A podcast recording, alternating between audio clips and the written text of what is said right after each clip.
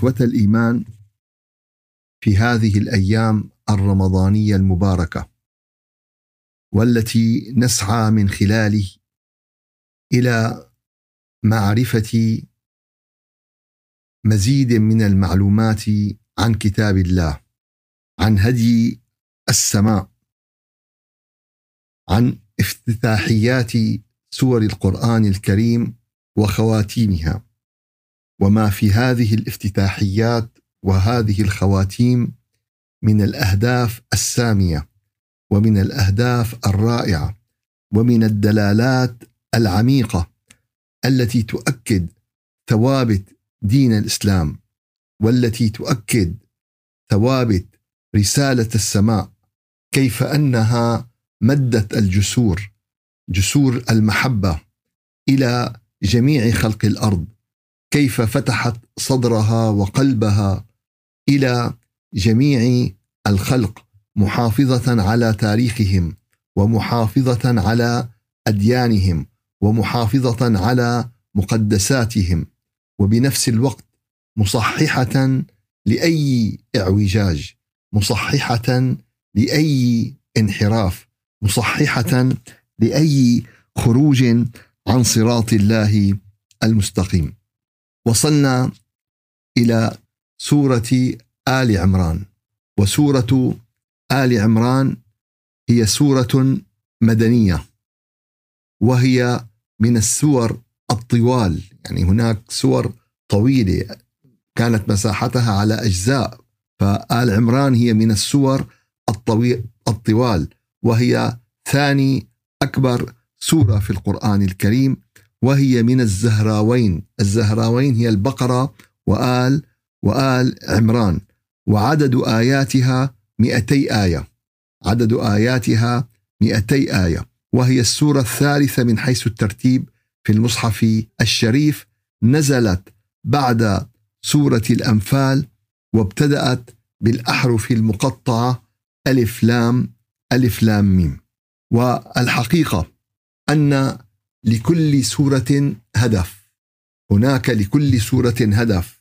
لكل سورة محور أساسي ركزت عليه ومحاور جانبية أخرى تعرضت لها. ولكن هناك محور أساسي. هناك وحدة للموضوع في كل سورة من السور. هناك موضوع هام أساسي وضع في هذه السورة. وفي سورة آل عمران كانت هناك مواضيع أساسية وأساسية جدا. من أول هذه المواضيع هي الثبات. الثبات هو محور أساسي في سورة آل عمران. كيفية هذا الثبات؟ فبعد أن عرض الله عز وجل لنا في سورة البقرة المنهج المنهج العام الذي على المؤمنين السير عليه حتى يحصلوا شهادة الإيمان. يعني في منهج بده يسيروا عليه. منهج هو القرآن الكريم. ذلك الكتاب لا ريب فيه هدى للمتقين. فهذا المنهج فبعد أن ساروا على المنهج استحقوا شهادة السماء. استحقوا شهادة السماء بآمن الرسول بما أنزل إليه من ربه والمؤمنون كل آمن بالله وملائكته وكتبه ورسله. وهكذا أتت آل عمران لتدعو المؤمنين بكافة فئاتهم وكافة مصادرهم إلى الثبات على المنهج إلى الثبات على الهدف. ودلتنا بطرق مختلفة على هذا الأمر سواء كان هؤلاء المؤمنين قديمي عهد بإيمان أو قديمي عهد بتاريخ الإيمان أم حديثي عهد فالأمور الأساسية لا تتغير. الأمور الأساسية لا تتغير بتغير الزمن. وقد ظهرت موضوع الثبات جليا في آه هذه الآيات بقول الله عز وجل داعيا إلينا لندعوه. ربنا لا تزغ قلوبنا بعد إذ هديتنا وهب لنا من لدنك رحمة إنك أنت الوهاب. وكم نحن اليوم بحاجة إلى هذا الدعاء. كم نحن اليوم بحاجة إلى دعاء؟ ربنا لا تزغ قلوبنا بعد إذ هديتنا لأن اليوم أصبح الكثير من الضجيج أصبح الكثير من الضوضاء أصبح الكثير من الفتن وغاية هذه الفتن أن تحرف الإنسان عن طريق الإيمان. الغاية النهائية الأخيرة أن تحرف الإنسان عن طريق الإيمان. هذا هو هدف الشيطان. لأقعدن لهم صراطك المستقيم لأضلنهم لأغوينهم أجمعين. إلا عبادك منهم المخلصين. فهدف عدو الإنسان واضح. هدف عدو الإنسانية واضح. وكثير اليوم من القضايا التي تحدث بالشأن العام تحدث في الكرة الأرضية تحدث في العالم ينظر الإنسان كلها ضد مصلحة الإنسان. ما هو المبرر لها؟ المبرر لها هي دعوة الشيطان. الشيطان الذي يريد ويريد أن ينال من ابن آدم. ربنا لا تزغ قلوبنا بعد إذ هديتنا وهب لنا من لدنك رحمة إنك أنت الوهاب. وكذلك ما دل على الثبات قول الله عز وجل واعتصموا بحبل الله جميعا. واعتصموا بحبل الله جميعا ولا تفرقوا. واذكروا نعمة الله عليكم إذ كنتم أعداء فألف بين قلوبكم فأصبحتم بنعمته إخوانا وكنتم على شفا حفرة من النار فأنقذكم منها. كذلك يبين الله لكم آياته لعلكم تهتدون. فربنا لا تزغ قلوبنا هذا الدعاء. وأما واعتصموا فهذا الفعل. كل دعاء بحاجة إلى فعل. وإذا لم يكن الدعاء مقترنا بالعمل إذا لم يكن الدعاء مقترنا ببذل الجهد فهذا اعتداء في الدعاء والله لا يحب المعتدين. الله لا يحب المعتدين. فأساس الدعاء وأصل الدعاء ما وضحه النبي عليه الصلاة والسلام بقوله منهجا لهذه الأمة اعقلها وتوكل. اعقلها وتوكل. ابذل ما تستطيع من الجهد. أدي ما لديك من الطاقة أدي ما لديك من القوة وبعد ذلك توكل على الله عز وجل. قال يا رسول الله جربت جمالي أدعو الله لي أن يشفيه لي؟ قال له اجعل مع الدعاء قطرانا. هذا منهج النبوة. هذا سنة النبي. هذا عمل الأنبياء والصالحين والمرسلين. أما فقط توكل بدون اعقلها أما فقط والله جرب جمالي ادعو الله لي لا.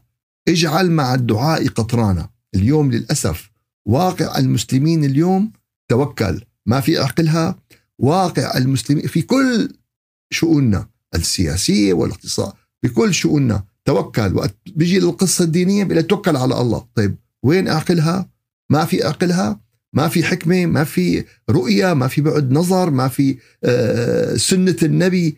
فعل بحكمته بفعل ما ينبغي في الوقت الذي ينبغي على الشكل الذي ينبغي. فاعقلها وتوكل واجعل مع الدعاء قطرانا. فهنا الآية ربنا لا تزغ قلوبنا بعد إذ هديتنا وهب لنا من لدنك رحمة إنك أنت الوهاب. أتى العمل والفعل واعتصموا بحبل الله جميعا ولا تفرقوا واذكروا نعمة الله عليكم إذ كنتم اعداء فألف بين قلوبكم. فسورة آل عمران. عنوان السورة. عنوان السورة عائلة يهودية. آل عمران هي عائلة يهودية من بني إسرائيل. هذه العائلة اليهودية سيخرج منها للناس نورا سيخرج منها للناس ضياء. فالقران الكريم وضع اسم هذه العائلة عنوان لثالث أكبر سورة في القرآن. لماذا؟ لأن هذه العائلة ستكون عائلة لإنسان عظيم. هذه العائلة ستكون عائلة لإنسان رائع. هذه العائلة ستكون مصدرا للنور فهي عائلة السيد المسيح عيسى ابن مريم رضواني رضوان الله عليه وسلامه وبركاته. نعم فآل عمران أتت مثالا على الثبات. آل عمران أتت مثالا على الثبات واختيرت آل عمران لأن فيها رمزين من رموز الثبات. لأن فيها رمزين من رموز الثبات وهذين الرمزين هما سيدتين وامرأتين فاضلتين امرأتين فاضلتين أصبحتا رمزا لنساء العالمين أما المرأة الأولى فهي امرأة عمران. المرأة الأولى هي امرأة عمران والدة السيدة مريم. وأما المرأة الثانية فهي العذراء البتول مريم بنت عمران. وقد سردت هاتين القصتين في ربعين كاملين بالربع الأول وربع ربعين كاملين من السورة. فالسيدة مريم ثبتت على طاعة الله وعبادته. وثبتت على العفة حتى استحقت أن تذكر في هذه الصفة بالقرآن الكريم التي أحصنت فرجها. فمن أخطر الأمور التي تضيع الأفراد وتضيع المجتمع في الفشل في الثبات على الطاعة وفي الفشل في الثبات على معالي الأمور فكانت السيدة مريم رمزا للصمود. كانت السيدة مريم رمزا لفتيات هذا العصر. التي شاهدت الملائكة وهي ما زالت في سن الثانية عشر أو الثالثة عشر. فالتقت روحها بأرواح الملائكة وكلما دخل عليها زكريا المحراب وجد عندها رزقا. زكريا النبي كان يندهش من الرزق وطبعا الرزق آه، يعني ما هو الفواكه بس والأكل والكذا. هذا الرزق البسيط هذا الرزق السهل. أما الرزق الصعب فوجد عندها رزق الروح وجد عندها آه، آه، رزق النور الإلهي الذي لا يكون إلا للصالحين ولا يكون إلا للمتقين. وأما زوجة عمران فقد كان همها الأول أن يكون الجنين الذي تحمله ناصرا لدين الله تعالى خادما لدين الله تعالى. فقالت رب إني نذرت لك ما في بطني محررا فتقبل مني. فهاتين السيدتين مريم البتول ووالدتها امرأة آل عمران كان منهما نورا للعالمين فكان الولادة المعجزة للسيد المسيح. سورة آل عمران. سورة آل عمران محبة من السماء لهذه العائلة محبة من السماء لهؤلاء الصالحين تشريفا وتكريما ومن أتى بذلك أتى وحيا لنبي الإسلام محمد صلوات الله وسلامه عليه. وهذا معناه أن جسور المحبة ممتده من ديانة السماء إلى ديانة السماء من أبناء النبي محمد صلوات الله وسلامه عليه إلى أبناء المسيح. رعبون محبة رعبون صداقة رعبون أخوة فتمتد لهم في ثاني أكبر سورة في القرآن الكريم بعنوان هذه السورة. سورة آل آل عمران.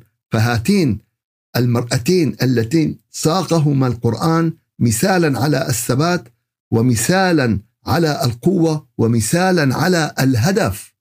ماذا تريد المرأة من الإنجاب؟ ماذا تريد المرأة من الزواج؟ ماذا تريد؟ تريد هدفا عظيما. إني نذرت لك ما في بطني محررا تريد ذرية صالحة تحمل النور الإلهي تحمل الأخلاق المحمدية تحمل هذا العطاء الإلهي على مدار الأجيال إلى قيام الساعة. هذا القصد. اليوم إذا لم يكن هذا القصد من الذرية فشو القصد من الذرية؟ لو قد ما طلعوا لو طلعوا أحسن أطباء وطلعوا أحسن رجال أعمال وطلعوا اغنى الأغنياء وطلعوا وطلعوا وطلعوا فالقصد هو أن يكون هذا هو هدفك. قال طيب هذا هدفي. وما تحقق؟ قال لك سلامة النية. قال أنا ما أجاني أولاد. قال ما أجاك. ما, ما في مشكلة. أنت نويت. أنت نويت هالشيء هذا. أنت قصدت وما تيسرت الأمور. مو كل شيء الإنسان بنويه بيحققه ولكن الله يحاسب الإنسان على نيته. فالله عز وجل إنما الأعمال إنما الأعمال بالنيات. فالله عز وجل يحاسب الإنسان على نيته ويحاسب الإنسان على أهدافه بالحياة.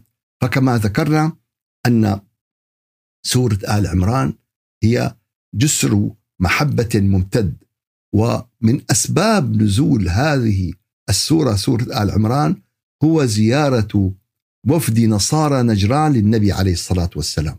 فوفد نصارى نجران أتوا إلى النبي عليه الصلاة والسلام زائرين وهم على اعتقادهم وهم يحملون صليبهم وهم يأتون بما يعتقدون. فماذا فعل النبي عليه الصلاة والسلام؟ استقبلهم وأصر على أن يستقبلهم في مسجده. فأجوا الصحابة يا رسول الله عنا بيوتنا. قال لهم أبدا هون. فاستقبلهم وأقاموا في مسجد النبي وأقاموا كل أمر في مسجد النبي. فهكذا توسع وكان النبي يتحدث إليهم صلوات الله وسلامه عليه فرصة دائما عنده فهو دائم التحدث إليهم ويزرع فيهم بذور النور يزرع فيهم بذور الهداية يزرع فيهم بذور الصلة الحقيقية بالله عز وجل كما يزرع فيهم المحبة الصادقة لنبيهم عيسى عليه السلام الوفاء لنبيهم عيسى عليه السلام. أنا يوم بيكون ابني وزنه خمسة كيلو بقول له أنت وزنك خمسين كيلو أنا ما عم بمدحه أنا ما عم بمدحه أنا عم زمه. أنا يوم بكون ابني مهندس بقول له أنت يعني عميد كلية الهندسة أنا عم بسأله بهالطريقة. كتير عظيم أنه ابني يكون عمره 20 سنة ويكون مهندس ويكون مهندس ناجح ويكون كذا.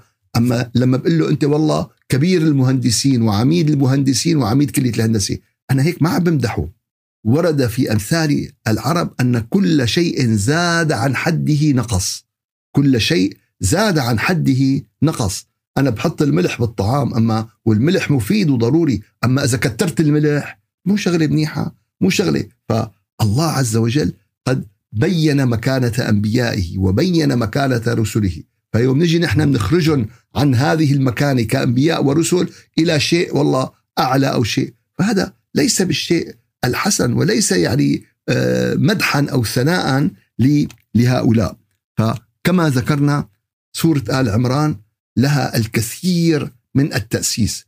فأسباب نزولها حينما حاور النبي عليه الصلاة والسلام وفد نصارى نجران وأكرم يفادتهم وعاملهم أحسن معاملة فما هي إلا سنتين ويأتي أهل نجران وقد آمنوا إيمانا حقيقيا صادقا. آمنوا بالله الواحد الأحد وآمنوا بنبوة الأنبياء ورسالة الرسل تكريما لهم ووفاء ووفاء لهم ويقينا برسالتهم. ابتدأت سورة آل عمران بألف لام ميم. وكما ذكرنا أن الأحرف المقطعة في بداية السور هي تحد لأبناء هذه اللغة. تحد أن يأتوا بمثل هذا القرآن. فهو من أحرفكم وهو من مفرداتكم وهو من الألف ومن اللام ومن الميم. ولن تستطيعوا ذلك لأن هذا الكتاب هو عطاء من الله عز وجل. ثم بعد ذلك الله لا إله إلا هو الحي القيوم. في سورة البقرة أسست. بأن هذا الكتاب لا ريب فيه وأن كل ما في هذا الكتاب لا ريب فيه وأن كل ما في هذا الكتاب هو لهدايتك أيها الإنسان وهو لمساعدتك أيها الإنسان وهو للأخذ بيدك أيها الإنسان. فأتت الآيات التي بعدها تعطينا المعلومات التي نريد تعطينا المعرفة التي نبحث عنها وأعظم معرفة يمكن أن يحصلها الإنسان في هذا الوجود هي معرفته بالله عز وجل. فأتت الآية معرفة باسم الله. الله لا إله إلا هو الحي القيوم. فالله هو الاسم العلم الدال على الذات المقدسة. الله هو الاسم الأكبر. وفي روايات لبعض العلماء بدراستهم للأحاديث قالوا بأنه هو الاسم الأعظم. فالله الله هو الاسم المفرد العلم الدال على الذات المقدسة بل الحاوي لسائر الأسماء الحسنى والصفات العلى. فالأسماء الحسنى كلها منسوبه إليه وفرع وفرع منه. فكل الأسماء الحسنى منسوبة إليه وفرع منه الله لا إله إلا هو له الأسماء الحسنى. الله لا إله إلا هو. له الأسماء الحسنى في سورة طه الآية رقم الآية رقم ثمانية. فهذه الآيات قد دلت على أن جميع الأسماء منسوبة إلى الله عز وجل. فنقول الرحمن من أسماء الله الرحيم من أسماء الله. ولا نقول الله من أسماء الرحمن أو من اسم الرحيم أو من اسم الرقيب أو من اسم المالك. فكل هذه الأسماء كل محتوات باسمه الله وكل هذه الأسماء تنسب إلى اسم إلى اسم الله عز وجل فهو الله الذي لا إله إلا هو عالم الغيب والشهادة هو الرحمن الرحيم. فهو الله الذي لا إله إلا هو عالم الغيب والشهادة هو الرحمن الرحيم. هو الله الذي لا إله إلا هو الملك القدوس السلام المؤمن المهيمن العزيز الجبار المتكبر. سبحان الله عما يشركون. فهذه الآيات هذا هو القرآن الذي لا ريب فيه. فأسست هذه الآية لكي نفهم هذه المعاني. قدوم الإنسان على الأرض وسكن الإنسان للأرض لكي يترقى في فهمه وعلاقته وصلته ومعرفته بالله عز وجل. والقرآن خير من ينبئ على ذلك. هكذا تحدث الله عن ذاته وهكذا عرفنا الله بنفسه وهكذا نسب الله صفاته واسماءه إلى اسمه الأكبر الله. فهو الله الذي لا إله إلا هو الملك القدوس السلام المؤمن المهيمن العزيز الجبار المتكبر سبحان الله عما يشركون هو الله الخالق البارئ المصور له الأسماء الحسنى. لمين؟ لله له الأسماء الحسنى يسبح له ما في السماوات والأرض وهو العزيز الحكيم. فكل من في السماوات والأرض يلهج تنزيها وتسبيحا لذات الله عز وجل. سبحان الله سبحان الله يلهج بها كل مخلوق. سبحان الله يلهج بها كل موجود في هذا الوجود فلا تكن أيها الإنسان غافلا عن هذه المعاني. فكما ذكرنا أن جميع هذه الأسماء توصف لله عز وجل كما بينت الآيات في سورة الحشر الآيات اللي تلوناها من الآية 23 إلى الآية 24 بينت جميع هذه المعاني. الله حينما نجد شيئا جميلا رائعا فأول ما نقول الله تلاقي وردة جميلة بتلاقي منظر بديع فتقول الله أول ليش؟ لأنه تعلم أن هذا من صنع الله أن هذا من عطاء الله عز وجل. وكذلك حينما نتعرض لمواقف صعبة لشدائد أول ما بنقول يا الله. أول ما بنقول يا الله. هذا ما نجده في الصعائب والشدائد. وهذا يعني لكل إنسان.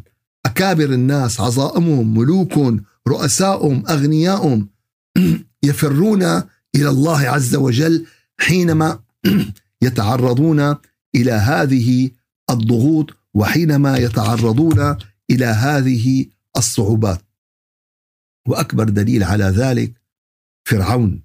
ففرعون يعني نسب إليه الظلم في هذه الأرض ونسبت إليه الدكتاتورية ونسبت إليه يعني بيقول لك في كل عصر فرعون فيه وموسى. بكل زمان في له فراعنته وفي له. فمع ذلك قال فرعون وتبجح فقال أنا ربكم الأعلى ولم ولم يقل بأنه هو هو الله ولم يتجرأ أن يقول بأنه هو هو الله وإنما استخدموا عبارات أخرى عن جبروتهم وعن ظلمهم وعن قهرهم ومع كل هذا الأمر وقال ما علمت لكم من إله غيري ومع ذلك حينما أدركه الغرق قال آمنت أنه لا إله إلا الذي آمنت به بنو إسرائيل.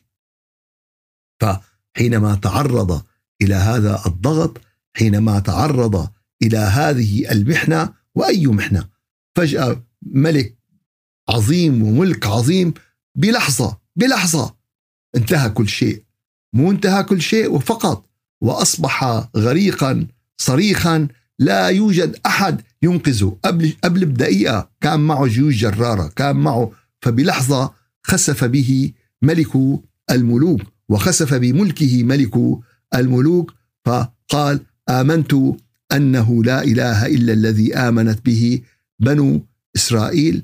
فأتاه الجواب آل آل وقد عصيت قبل وكنت من المفسدين. فاليوم ننجيك ببدنك لتكون لمن خلفك آية فسورة يونس الآية 91 و 92 فالله أحق من عبد. الله أحق من حمد. الله أحق من ذكر. الله أحق من شكر.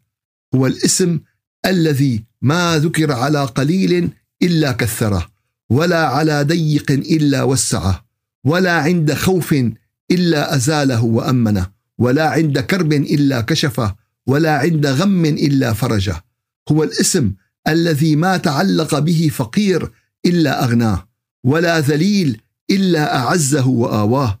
هو الاسم الذي تستنزل به البركات وتجاب به الدعوات وتقال به العثرات وتستدفع به الآفات.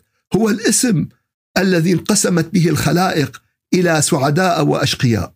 نعم انقسمت الخلائق إلى سعداء وأشقياء فسعد من عرفه وراعى حقه وذكر اسمه وتعلق به حبا وشوقا ومعرفة وشقي من جهله وترك حقه وأساء الأدب معه وتطاول عليه.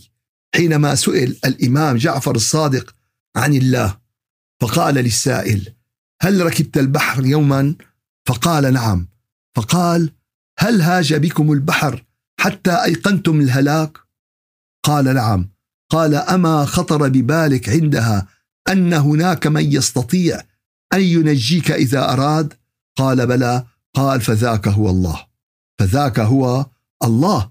فقطرة من فيض جوده تملأ الأرض ريا. لحظة بتلاقي الدنيا عطشانة. ما بتلاقي غير إجت المطر ما بتلاقي غير سالت الأنهار ما بتلاقي غير مشيت الجداول.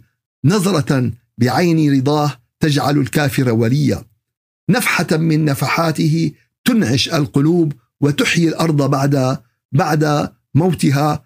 الله ربي لا أريد سواه. الله ربي لا أريد سواه. هل في الوجود حقيقة إلا هو؟ الطير سبحه والوحش مجده والموج كبره والحوت ناجاه.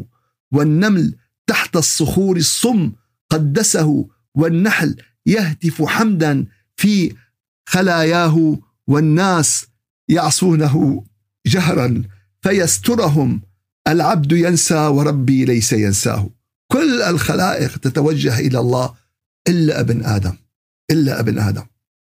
الذي خلقه في أحسن تقويم والذي سخر له السماوات وسخر له الأراضين وسخر له البحار وسخر له الطير وسخر له الشمس والقمر إلا الإنسان. غافل عن الله جاحد بأمر الله منكر لعطاء الله فيعطيه وينكره ويعطيه وينساه ويعطيه ويغفل عنه. فكان لابد من تذكير هذا الإنسان في مطلع سورة آل عمران. الله لا إله إلا هو الحي القيوم ف كلمه الله دلالة ومعان لكلمة الله في اللغة العربية أربع معاني لكلمة الله في اللغة العربية أربعة معاني فهو المعبود بحق وهو الملتجأ إليه والمفزوع إليه وهو المحبوب الحب الأعظم. وهو الذي تحتار العقول فيه. تحتار العقول. فلا فلا نعرف كنهه ولا نعرف وإنما ندرك وجوده بآثاره العظيمة. وإنما ندرك وجوده بإحساسنا به. وإنما ندرك وجودنا بما حبانا من عقل وحبانا من بصر وحبانا من روح وحبانا من قلب. هكذا ندرك وجود الله عز وجل. وهذه المعاني هي حق الله تعالى وباطلة في حق غيره. فهو المعبود بحق. فالله وحده المستحق للعبادة دون سواه. والعبادة كل قول وعمل ظاهر وباطن يحبه الله من عباده ويرضاه الله من عباده. قال تعالى وهو في السماء إله وفي الأرض إله وهو في السماء إله وفي الأرض إله. الزخرف الآية 84 أي هو سبحانه وتعالى المعبود في السماء والمعبود في الأرض. وقال تعالى وهو الله في السماوات وفي الأرض يعلم سركم وجهركم ويعلم ما تكسبون فالله يعلم السر والجهر ويعلم كل ما نكسب في حياتنا. المعنى الثاني لله هو الملتجأ إليه. هو الملتجأ إليه. قال تعالى هو الذي يسيركم في البر والبحر حتى إذا كنتم في الفلك وجرين بهم بريح طيبة وفرحوا بها جاءتها ريح عاصف وجاءهم الموج من كل مكان وظنوا أنهم احيط أحيط بهم. دعوا الله مخلصين له الدين. لئن أنجيتنا من هذه لنكونن من الشاكرين. طبعا يا أحبابنا الآيات تدل على البحر، ممكن يقول لك واحد طيب يا أخي أنا ما عاد أركب البحر ولا عاد اقرب على البحر. بنقول له يا أخي هذه الآيات تدل على المعنى. بيكون الإنسان يحيا حياته. هادئة يحيا حياته محاط بالنعم. يحيا حياته فيها كل ما يريد. فجأة يا أحبابنا فجأة جاءهم الموج من كل مكان. بتلاقي مسكين اجته جلطة بيقول لك اجته جلطة وانشل. شو يعني اجته جلطة؟ على نصه اليمين. يعني مات نصه اليمين وحملوا على نصه الشمال. يعني يا يا يا يا ما أرحم الموت أحيانا. فهذه الموج وهذه الأعاصير لا تعلم كيف. يعني هلأ أهل أوكرانيا من شهرين. أهل أوكرانيا من شهرين قاعدين ببيوتهم آكلين وشاربين ونايمين وحياتهم قائمة ووجودهم. طيب هلأ وين؟ ملايين تشردوا. أهل الشرق الأوسط إن كان ما حدث في ليبيا أو ما حدث في سوريا كل هال هالأمثلة الموجودة اليوم وكلها بنعرفها. ما في حاجة إنه والله نذكرها بالتفصيل الدقيق. فكانوا يعني آه، يسيرون بريح طيبة وفرحوا بها. بعد ذلك جاءت ريح إيش؟ جاءت ريح عاصفة. فدعوا الله مخلصين له الدين. فما لهم سوى الله عز وجل ما لهم من جات من الله عز وجل. بدأت سورة آل عمران بألف لام ميم. الله لا إله إلا هو الحي القيوم. اسم الله الله. اسم الذات العلية. الحقيقة هذا الاسم بحاجة إلى أكثر من محاضرة وبحاجة إلى أكثر من لقاء لأن حال حول هذا الاسم تدور صلة بالله وتدور معرفة بالله ويدور ذكر لله. سبحان ربك رب العزة عما يصفون وسلام على المرسلين والحمد لله رب العالمين. إلى شرف النبي وأرواح المؤمنين الفاتحة. أعوذ بالله من الشيطان الرجيم، بسم الله الرحمن الرحيم. الحمد لله رب العالمين وأفضل الصلاة وأتم التسليم على سيدنا محمد وعلى آله وصحبه أجمعين. ربنا لا تزغ قلوبنا بعد إذ هديتنا وهب لنا من لدنك رحمة إنك أنت الوهاب يا رب العالمين يا رجاء السائلين نسألك بكل اسم هو لك سميت به نفسك أن تجعل القرآن ربيع صدورنا وشفاء همنا وذهاب حزننا. يا رب سلمنا لرمضان وسلم رمضان لنا وتسلمه منا متقبلا سبحان ربك رب العزة عما يصفون وسلام على المرسلين والحمد لله رب العالمين. إلى شرف النبي وأرواح المؤمنين الفاتحة.